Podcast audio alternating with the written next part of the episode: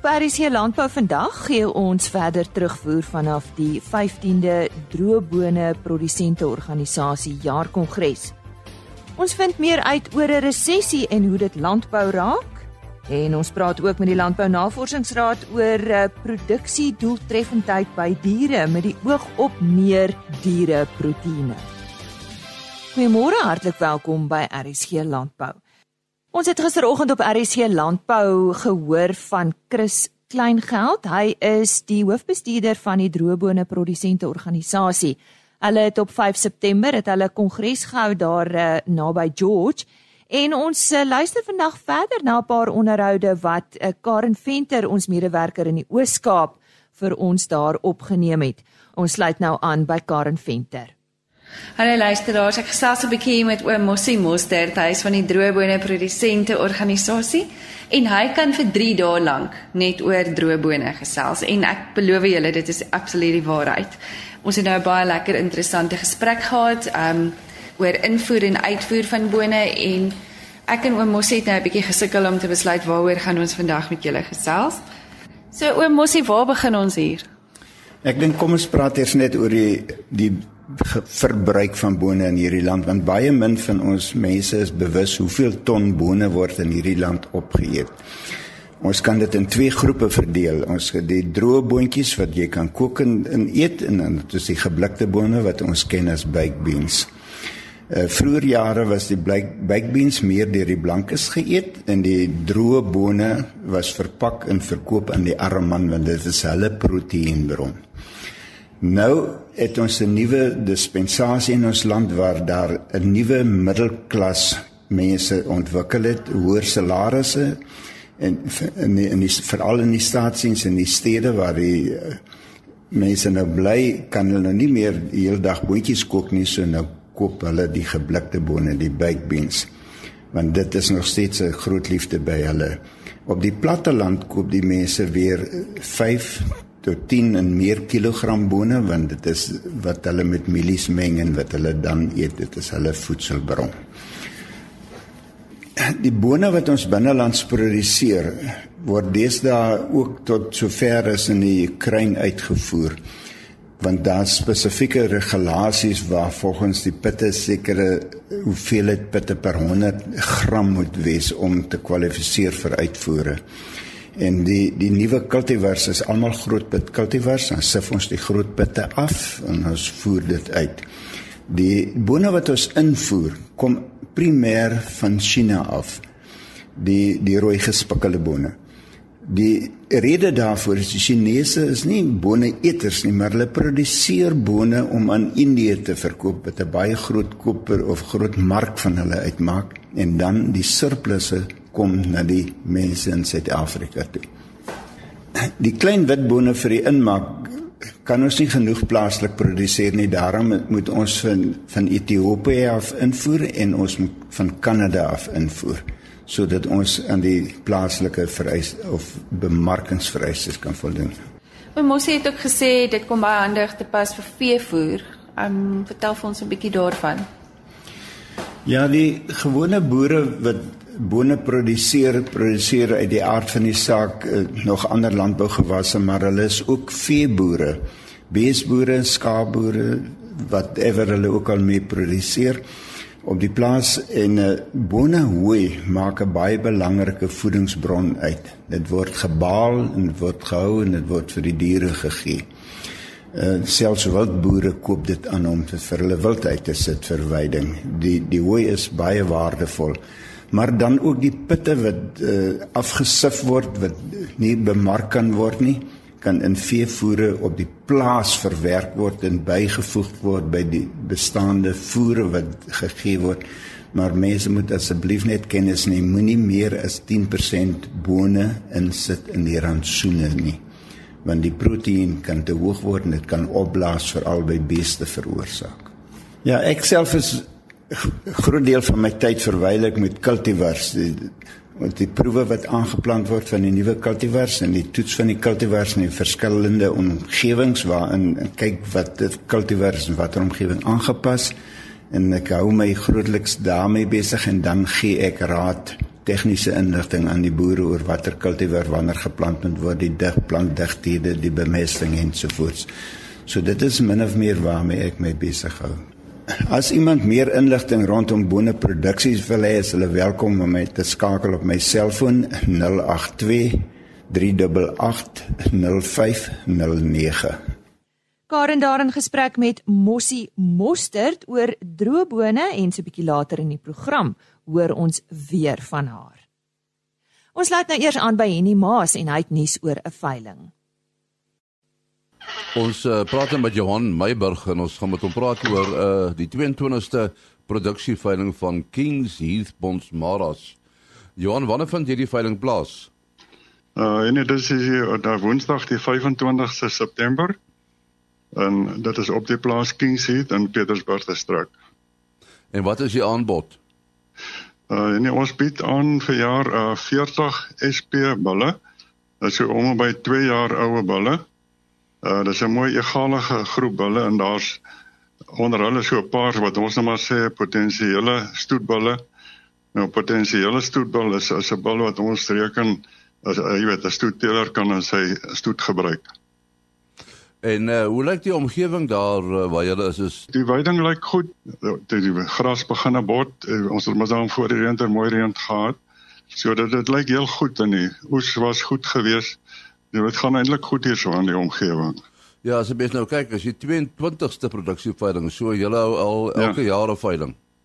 Ja, ons hou maar elke jaar 'n veiling en dit is ons kom al 'n lang tyd met die veilings want dit is so mense raak maar ouer maar dit is nog altyd jy weet die so veiling is maar eintlik 'n hoogtepunt op ons plaas se agenda want elke jaar is dit nou maar die veiling en dinge werk so half op teen na klimaks toe en dis eintlik lekker want so weet as my so veiling op die plaas hou dan moet jy jou plaas bietjie aan die kant maak dat met mooi reg en netjies wees en dit is eintlik maar 'n lekker uh, vir ons is lekker om dit te kan doen nog. Uh net weer die datum waar dit plaasvind en miskien 'n kontaknommer. Dit is hier weer die 25ste September op die Woensdag. En uh, die kontaknommer is 082 786 7227. Wat ons miskien net nog moet praat en ek kyk daar's vroulike deure ook op die veiling. Ek kan vir jou meer detail ja, van hulle gee as jy wil hê. Daar is baie so plus minus 100 vroulike diere aan. Uh waaronder so min of meer 40 koeie met kalwers is. En dan is daar so 35 dragtige koeie en dan bied ons jou 25 oop verse aan. Ja, so is 'n hele handvol, né? Nee? Ja, nee, dit is so 'n mooi klompie. Ek kan dalk vir jou net sê en nee, ons het meer besonderhede oor ons boerdery uh op die uh, op die Facebook bladsy. Ek kan dalk net vir ons Facebook, dit is ook maar King Seed Bonsmaras. Ek kan dalk net vir jou spel, dit is K I N G S H E A T H.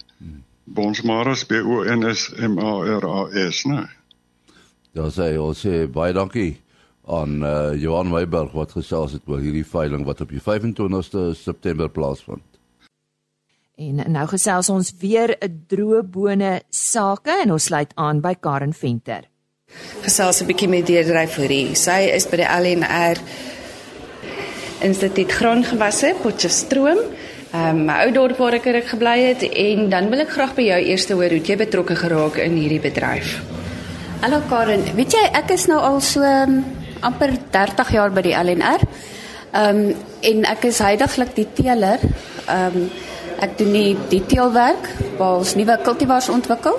Ek is in die gelukkige posisie dat die um, bedryf by name die uh, droëbone produsent organisasie befonds my my navorsing.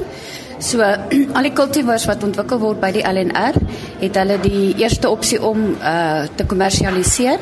So hulle die lisensiehouer om die kultivars te vermeerder en te verkoop en dis wat die boere nou plan en dan word die tantieme ook nou weer terugbetaal aan die aan die LNR. Uh die teel van kultivars is 'n is 'n baie langtermyn 'n storie en daarom is ons ook gelukkig dat ons volhoubare fonds befondsing kry van die bedryf. Ehm um, vandat 'n mens jou eerste kruising maak totdat wat jy 'n kultivar ontwikkel, vat omtrent so 12 jaar. En van daarna af moet die uh voordat hulle hom nog kan kommersialiseer, dat hy deur die saadproduksie ehm um, skema gaan, kan dit tot omtrent so maklik 15 jaar vat vandat jy 'n kultivar begin, jou eerste kruising maak totdat die boer hom op sy plaas plant. Deedrey, en as julle nou besluit het hierdie kultivar werk, hoe stel julle dit bekend aan die mense? Daar word landwyd baie proewe gedoen. So ons ons plant hierdie kultivars in my teelprojek word ook landwyd ge ehm um, geplant en dan kyk ons maar na die opbrengs, die siekteweerstand van die kultivars en so besluit ons dan okay, hierdie kultivar het 'n baie hoë opbrengs, hy het goeie eienskappe wat 'n boer sal ehm um, van hou. En dan registreer ons hom uh, by DEF en dan word hy in die nasionale kultivarproewe weer ingevul waar die waar hy met ander kultivars wat reeds vrygestel is vergelyk word. Ehm um, en dan is dit vir die saadmaatskappy om te besluit wil hulle aangaan met die met die kultivar. Ek kan sê dat die die kultivar heidaglik wat geplant word is van die top 10. Ek dink is die LNR se kultivar 7 van hulle so ja. Ek ben nou nie skieurig, kan jy se drie van hulle vir my noem?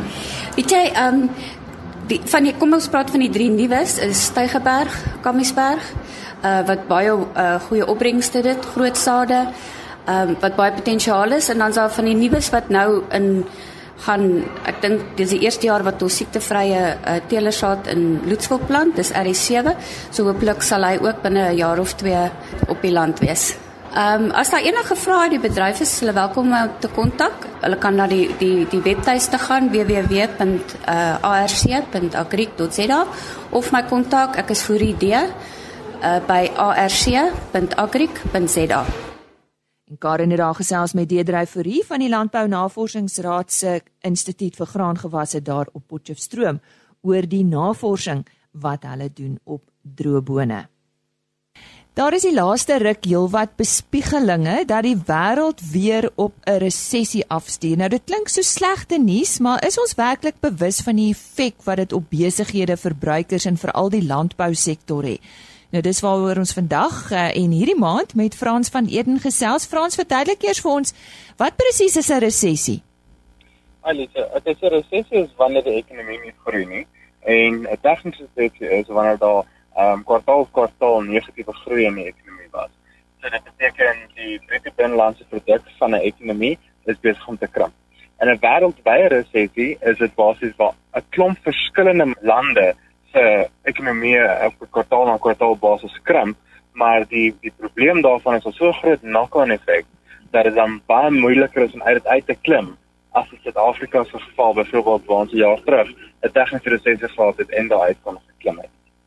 En uh hoe beïnvloed 'n resessie besighede oor die algemeen? So wat gebeur tydens tydens resessie is dat ehm um, die eindverbruiker, so ek en jy, ons koopkrag word ingeperk want ons verloor ons werk, ons het nie meer noodwendig baie geld nie, skuld se druk op ons dat ons nie meer ons ehm um, paemente kan betaal nie en dit beteken dat al hoe minder en minder geld in die ekonomie. Wanneer daar minder geld in die ekonomie is, minder mense wat wat produkte en dienste koop, dan beteken dit die besighede wat daai eindverbruikers en ander besighede dien, hulle uh omset per maand word ook al hoe minder en dit beteken dat daar baie druk op besighede is wat want daar's nie noodwendig meer enige omset nie. So winsgewendheid verdwyn en dit beteken al meer en meer mense verloor hulle werk die einde van die dag. En dit is die effek op besighede tot op so 'n mate waar baie besighede toemaak tydens resessie. En uh, die verbruiker? So ek meen verbruiker, wat gebeur as jy verloor natuurlik jou werk of daar's baie min daar pas vir druk op jou, daar's nie 'n verhoging in jou salaris hierdie jaar nie. Die lewenskoste gaan nog steeds op So jy het al hoe meer en meer en meer ehm um, druk op jou en jy kan nie meer die touwtjies vir mekaar kry aan die einde van elke maand nie. So wat dan gebeur is jy begin al hoe meer in krediet ingaan, die situasie vererger al hoe meer tot 'n punt waar jy basies insolvent is in jou eie kapasiteit ook. Dan sê jy die die siklus kan breek, dan sê die ekonomie omdraai en jy kan weer begin weer geld maak. En natuurlik die vraag wat ons het hier op RSG Landbou is hoe kan dit oorvloei na die landbousektor?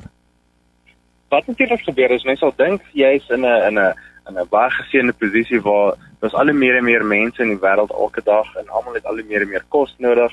Die probleem is as ons kyk na armoede in die wêreld, is al hoe armoede besig om al erger te word in sekere sin. Waar die middelklas is besig om arm So waar mense voorheen geld gehad het om baie kos te kan koop, is daar die pryse van kos deesdae soveel hoër. Wat beteken jy het, as jy kyk na winkels byvoorbeeld, kos word weggegooi want mense kan dit nie meer koop nie. En dit gaan op die einde van die dag weer trek na landbou ook. Want wat gaan die die tersiêre markte soos die supermarkte doen?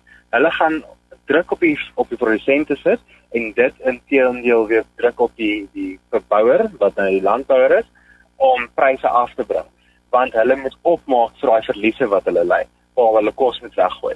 So dit beteken pryse wat jy gaan kry vir jou produk gaan al hoe laer en laer en laer beweeg in die mark want jou aanbod is baie meer as wat die aanvraag is.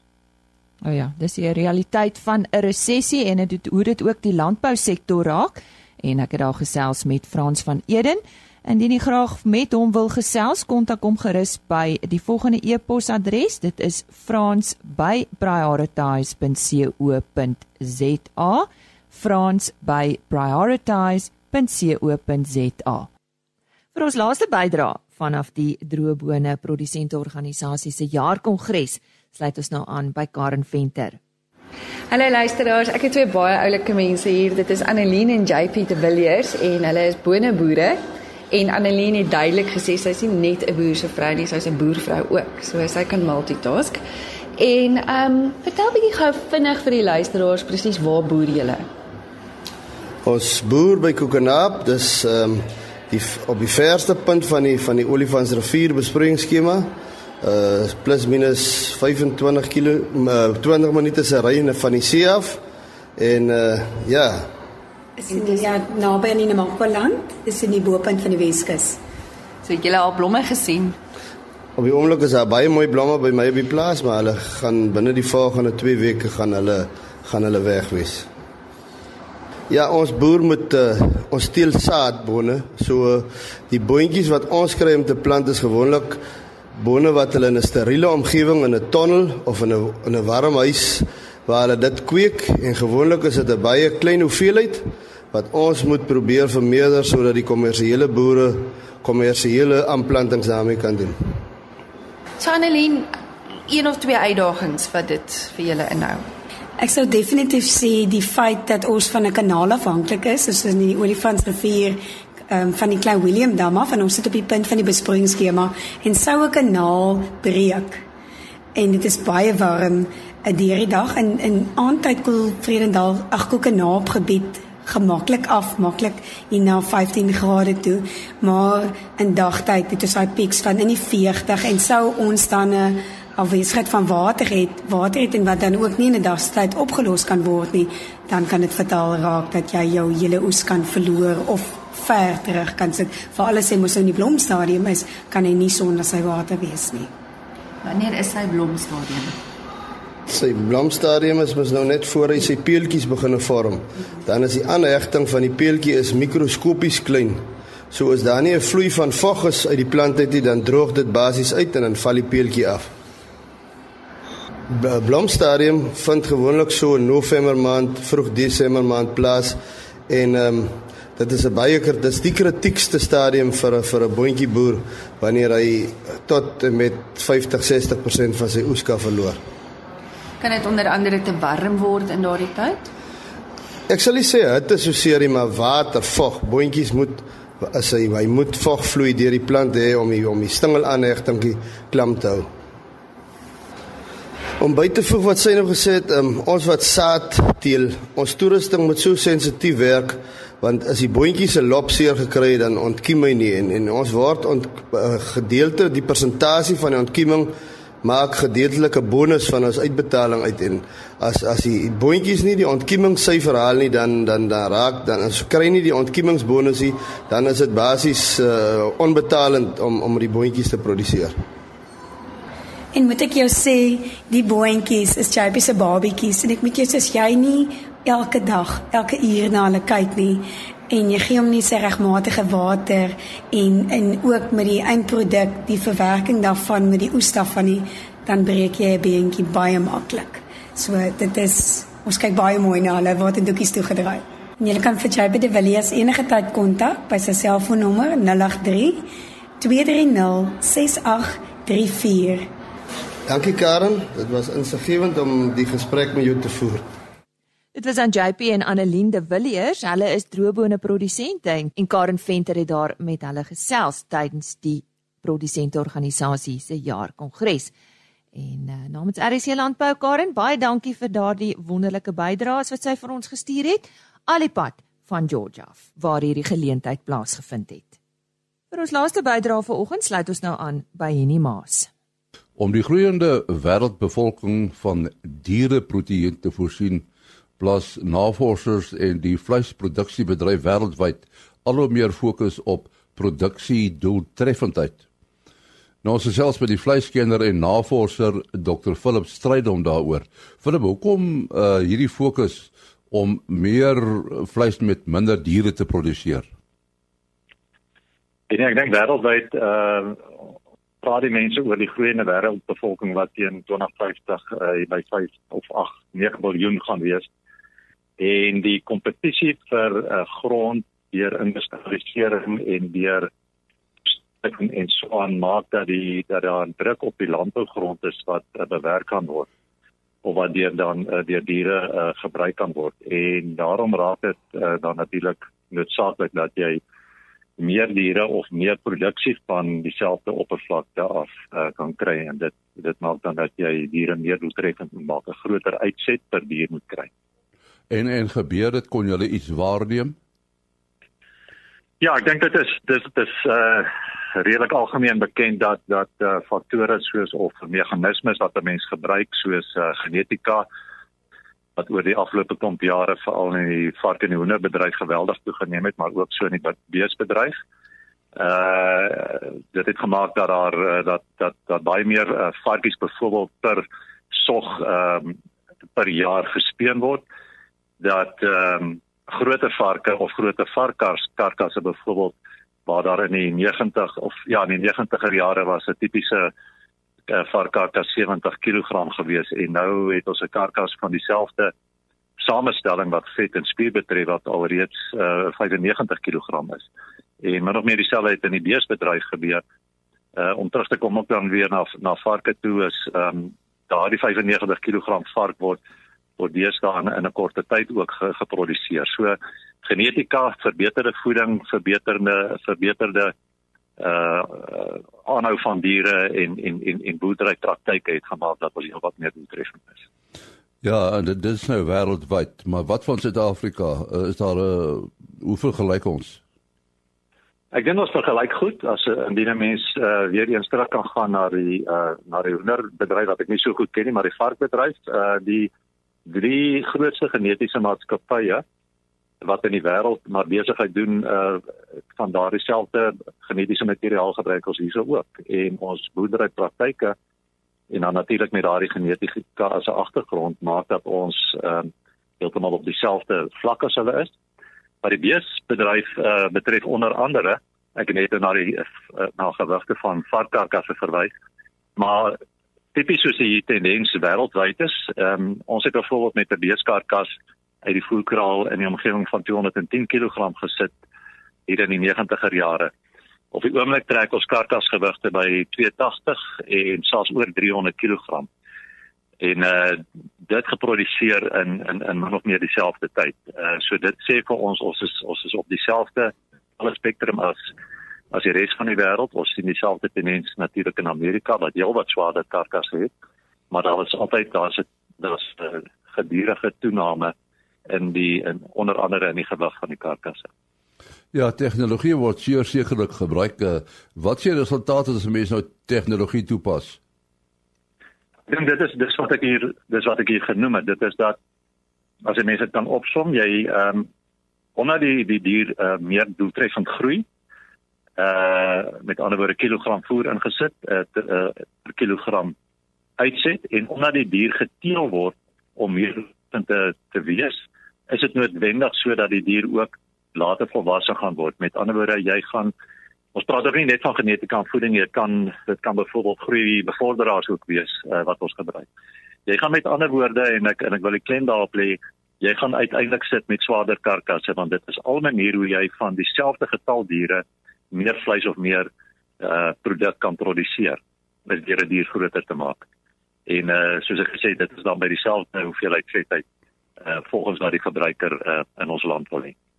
En en hoe beïnvloed hierdie prosesse dan die sogenaamde skeeftrek die die produkgehalte? Ek dink dat dit is dis dis waar die probleem inkom want uh partykeer voel dit vir my asof die die produksiekant uitvoering is met die produkkant. En uh die, die veral die omskakeling van spier na vleis uh, in daardie eerste 12 ure nadat 'n die dier geslag word is 'n is 'n geweldige belangrike proses fisiologies van aard om by die korrekte vleiskwaliteit uit te kom. En as daardie proses nie onder die regte omstandighede plaasvind nie en as ek die regte omstandighede kan definieer, dit moet teen 'n sekere verkoelingstempo plaasvind die spierverandering na vleis moet ook teen 'n sekere temper, uh, temperatuur en teen 'n sekere tempo plaasvind. En omdat hierdie karkasse nou groter is en die wet van die fisika uh, fisika wet sê dan net vir my daai groter karkas moet ek nou oor dieselfde tyd of vinniger kan afkoel en dit is fisies onmoontlik. Ehm um, en aan die een kant en ook omdat ons tegnologie in die in in die area van eh uh, verkoeling eintlik agterweë gebly het. Ons kapasiteit om karkasse vinnig te kan verkoel het agterweë gebly. Dit beteken dat die karkas koel nie vinnig genoeg af nie. En dit het sekere negatiewe effekte op die die uh, produkgehalte. En 'n bietjie dan dan uitbrei. Ehm um, proteïene sien ons dikwels net as vleis wat ons eet, maar proteïen het 'n baie definitiewe funksie in in die in rooi vleis veral. Uh onder andere is daar proteïene wat bepaal wat die kleur van die vleis is en ons weet dat kleur van vleis op die punt van verkoop baie belangrik is. Die die persoon kyk na die kleur van die vleis as dit hom aantreklik is dan laat dit 'n boodskap by hom dat hierdie 'n uh, goeie kwaliteit vleis is. Uh daar is ander proteïen wat wat uh, te doen het met die binding van vog uh, in die vleis en ons weet ons hou nie daarvan as ons 'n vakuumsak oopmaak na daar's 'n sak water of 'n sak vleisvog daarin want dit gooi jy weg. Dit is die volgende proteïen en die ander proteïene waarvan ons praat is die ensieme wat vleis moet verouder, met ander woorde moet sag maak. Nou beide of al drie hierdie ensieme indien die verkoeling van die karkas nie korrek is nie en vinnig genoeg plaasvind nie en onder die regte omstandighede nie, dan word hierdie proteïene beskadig en is hulle funksie dus uh, nie meer wat dit moet wees nie. Dan kry ons tipiese bleekvleis of vleis wat ons kry, mense kan op die op die rak gaan kyk, uh, ons noem dit two-toning, met ander woorde dieselfde biefstuk het dit ons 'n uh, mooi rooi kleur en uit 'n uit 'n vaal bleek kleur of die hele biefstuk is vaal. Jy kry 'n klomp vog wat in die sak oorbly. Nou ja, die kwaliteit of die eetkwaliteit sal jy dan later eers agterkom dat die vleis nie behoorlik verouder het nie en dat dit dikwels baie droog um, uitkom. So die produsente en die abattoir kon seker uh, beheer uitoefen om die probleem beter te bestuur, né? Nee? Ek ek dink so, dit is dit is nogal belangrik dat ehm um, dat die dat dat ons abattoirs veral 'n bietjie meer gaan gaan dink oor tegnologie en oor kapasiteit want ons uh, sien tipies of ek kry baie keer die indruk dat hulle dat hulle voel hulle voel, hulle hulle doen hulle maak net hulle doen net 'n funksie met ander woorde hulle hoef net 'n dier te slag en deurset te kry. En dit die gevolg daarvan is dikwels dat uh, koelkamers oorlaai word of natuurlik dat ons 20 30 jaar terug uh, koelkamers met 'n sekere kapasiteit gehad het. Sien nou maar 20 diere wat 210 kg geweg het en skielik is daardie kilogramme nou 20 karkasse maal 100 kg meer en dit beteken daardie koelkamer het nie meer die kapasiteit om die koel uh, die karkas vinnig genoeg af te koel nie. En dit word baie keer buite rekening gelaat. Met ander woorde, ons moet koelkamers uh minder vol laai, ons moet verkoeling vinniger laat plaasvind en daar is meetinstrumente wat jy kan bepaal die die hele proses van vleis na na of van spier na vleis. Uh byvoorbeeld deur pH meter. So dit verg 'n bietjie meer uh, tegnologie en 'n bietjie meer uh, kennis, net soos wat ons kennis toepas in die in die produksiegebied. So moet ons dit ook in die abattoir gebied toepas. Ons hartlike dank aan Dr. Philip Steydom van die Diereproduksie Instituut. Hy is die uh, navorsingsspanleier en dit is natuurlik van die RNR. Ons kuier weer môre. Totsiens. RSG Landbou is 'n produksie van Plaas Media. Produksieregisseur Henny Maas. Aanbieding Lisa Roberts en inhoudskoördineerder Jolandi Rooi.